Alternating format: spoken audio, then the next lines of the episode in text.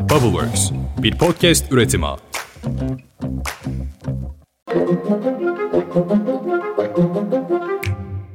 Günaydın. 5 dakikada dünya haline hepiniz hoş geldiniz. Bugün 17 Ocak Salı ben Özlem Gürses. Sizce de hava tuhaf biçimde sıcak değil mi? Neyse hadi başlayalım. EYT'nin adı var, kendisi yok. Milyonların merakla beklediği emeklilikte yaşa takılanlar düzenlemesiyle ilgili AK Parti'den yeni bir açıklama geldi. Hatırlayın daha önce AK Parti Grup Başkan Vekili Bülent Turan bir açıklama yapmış ve Şubat ayı içerisinde en geç bu düzenleme son haline alacak demişti. Ama bir kez daha tarih değişti anlaşılan zira hükümet sözcüsü Adana Milletvekili Ömer Çelik AK Parti'nin MKYK toplantısı devam ederken bir basın açıklaması yaptı ve özellikle EYT'ye değinerek bir soru aldı ve dedi ki Şubat en geç Mart ayında sonuca ulaşılmış olacaktır. Yani Şubatken Mart oldu EYT'nin yeni takvimi bir bakmışsınız Nisan'da olabilir zira Ankara kulislerinde seçimde kararsız seçmeni özellikle daha da güçlü bir şekilde ikna edebilmek için EYT düzenlemesinin seçim sonrasına bırakılma ihtimali de konuşuluyor.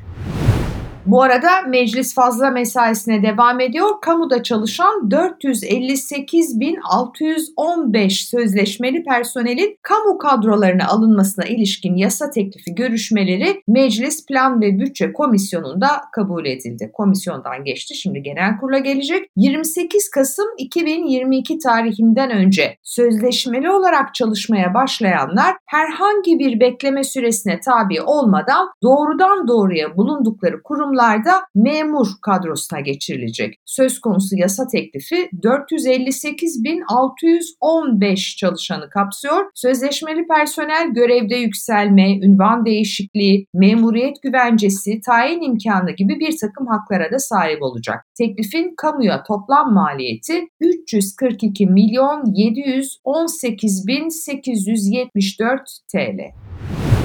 Halkların Demokratik Partisi HDP'den Anayasa Yüksek Mahkemesi'ne kapatma davası başvurusu geldi. Biliyorsunuz HDP ile ilgili bir kapatma davasının yargı süreci zaten devam ediyor. Hatta bu kapsamda tedbiren bir yasak cezası daha doğrusu bir blokaj cezası gelmişti. HDP'nin hazine yardımı alma sürecine yani seçim için kullanacağı hazine yardımına bir tedbir kararı gelip blokaj yapılmıştı. HDP eş genel başkanı Mithat Sancar kapatma davasına ilişkin AYM'ye başvuruda bulunduklarını bildirdi. Bu dava ile ilgili bütün muhakeme işlemlerinin 18 Haziran 2023 seçimleri sonrasına bırakılmasını talep ettik diye açıkladı eş genel başkan Sancar. Bir uyuşturucu baronu daha Türkiye'de ortaya çıktı. Yeni Zelandalı uyuşturucu baronu Hohepa Nikuru Türkiye'de tutuklanmış. Küresel bir uyuşturucu ağını Türkiye'den yönettiği öne sürülen Yeni Zelandalı Comancheros adlı motosiklet çetesinin de patronu olan Nika Guru'nun uyuşturucu kaçakçılığı ve kara para aklama suçlarından arandığı biliniyordu.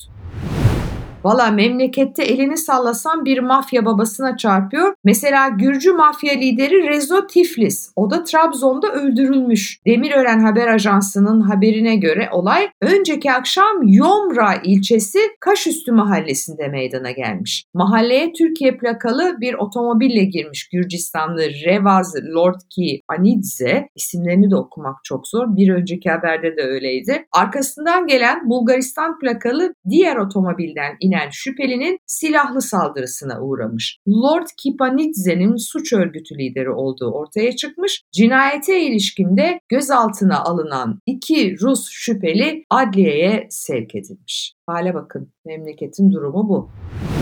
Biliyorsunuz bir süredir borsa meselesi çok spekülatif bir şekilde ele alınıyor. Borsa hızlıca yükseliyor sonra hızlıca düşüyor. Arada bir kesintiye uğruyor. Borsadaki bu sert hareketlerin yatırımcıları tedirgin etmesi üzerine Milli İstihbarat Teşkilatı yani MIT'in devreye girdiği ve Cumhurbaşkanı Erdoğan'ı bilgilendirmek üzere bir rapor hazırladığı öne sürüldü. İddiaya göre bu raporda manipülatör grupların AK Partili bazı isimlerle olan ilişkileri de anlatılmış. İddianın sahibi Halk TV Com.tr yazarı ekonomist Barış Soydan. Barış'ın kulisine göre Cumhurbaşkanlığı geçen Eylül'de çöküşle sonuçlanan bankacılık hisseleri manipülasyonu ve ilgili tutuklamalar sonrasında MIT'ten borsayla ilgili bir rapor istemiş. Soydan tam olarak şu cümlelerle yazıyor haberi. İstihbaratın yaptığı çalışmada manipülatör grupların AK Partili bazı isimlerle ilişkisi tespit edilmiş. Cumhurbaşkanlığına sunulan raporda bu konuda da bilgilerin yer aldığı öne sürülüyor. Ancak bu yönde yapılacak bir operasyonun seçim öncesinde piyasayı alt üst edeceği, ortaya bilgi belge saçılacağı endişesiyle ertelendiği de belirtiliyor.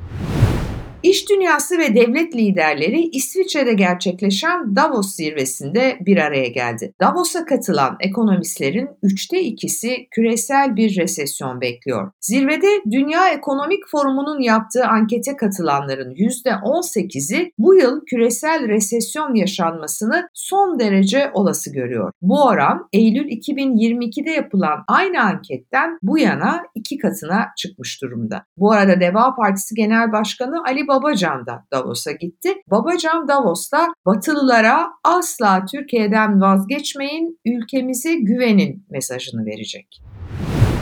Davos'ta bu yılın flash konusu gelir adaletsizliği. İngiltere merkezli yardım kuruluşu Oxfam'ın gelir eşitsizliği ile ilgili hazırladığı bir rapora göre en zengin %1'lik kesim son iki yılda dünyanın geri kalanının toplamından neredeyse iki kat daha fazla servete sahip. Rapor İsviçre'nin Davos kasabasında düzenlenen Dünya Ekonomik Forumu'nun açılış gününde yayınlandı. Rapora göre bu en zengin %1'in içinde yer alan bir milyarder, geri kalan %90'da yer alan bir kişinin kazandığı her 1 dolara karşılık 1,7 milyon dolar kazanmış. Aman Allah'ım şu istatistiğe bakar mısınız? Yani fakirler 1 dolar kazanırken bu servet sahibi zenginler 1,7 milyon dolar kazanıyormuş korkunç bir şey gerçekten. Dünya çapında 95 gıda ve enerji şirketi de 2022'de karını iki katından daha fazla arttırmış.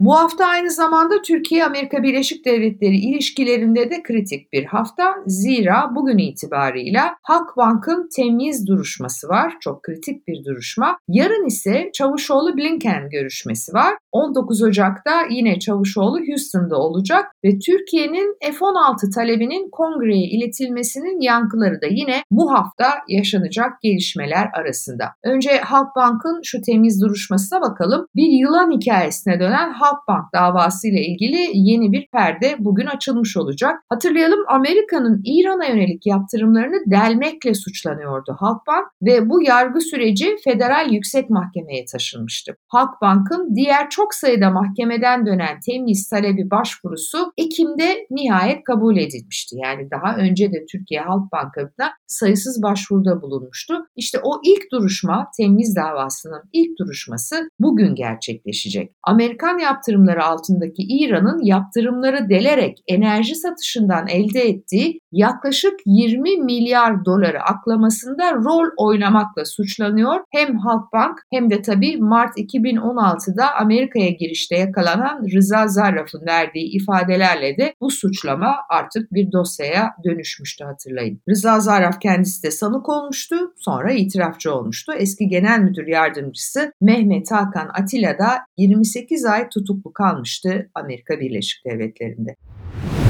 Romanya'da tutuklanan sosyal medya fenomeni Andrew Tate hatırlayacaksınız kendisi. Özellikle Greta Thunberg'e yönelik nefret suçlarıyla gündemdeydi. Kendisiyle ilgili gelişmelerin sonu gelmiyor. Rumen makamları kardeşiyle beraber insan kaçakçılığı ve tecavüz iddiasıyla soruşturulan Andrew Tate'e ait toplam 4 milyon dolar değerindeki bir mal varlığına el koyulduğunu açıkladı. Romanya'nın Varlık Kurtarma ve Yönetim Dairesi'nin basın açıklamasında Tate'e ait 3 milyon 942 bin 700 dolara eşdeğer motorlu taşıtlar, lüks saatler ve çeşitli para birimlerinde dövizin ele geçirildiği belirtiliyor. Rumen makamlar 4 zanlının insan kaçakçılığı suçunu işlemek amacıyla Romanya'dan İngiltere ve hatta Amerika Birleşik Devletleri'ne kadar kadar uzanan organize bir suç örgütü oluşturduğunu öne sürüyor. Soruşturma kapsamında 7 mülk daha aranıyormuş ve araştırılan toplam mülk sayısı 12'ymiş.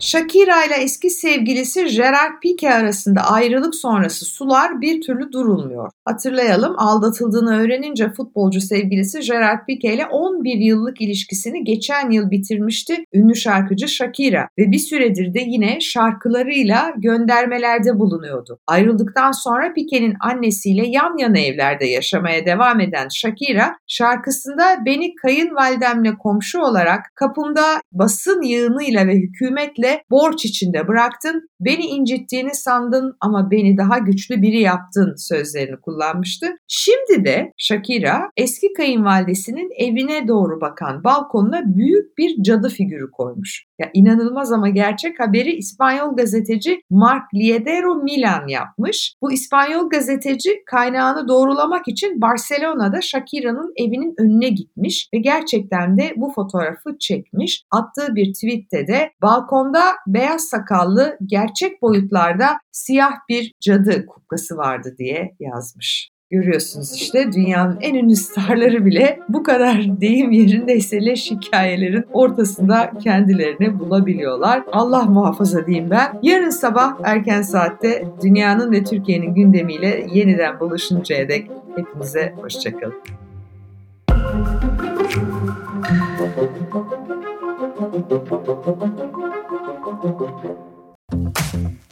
Bubbleworks bir podcast üretimi. thank you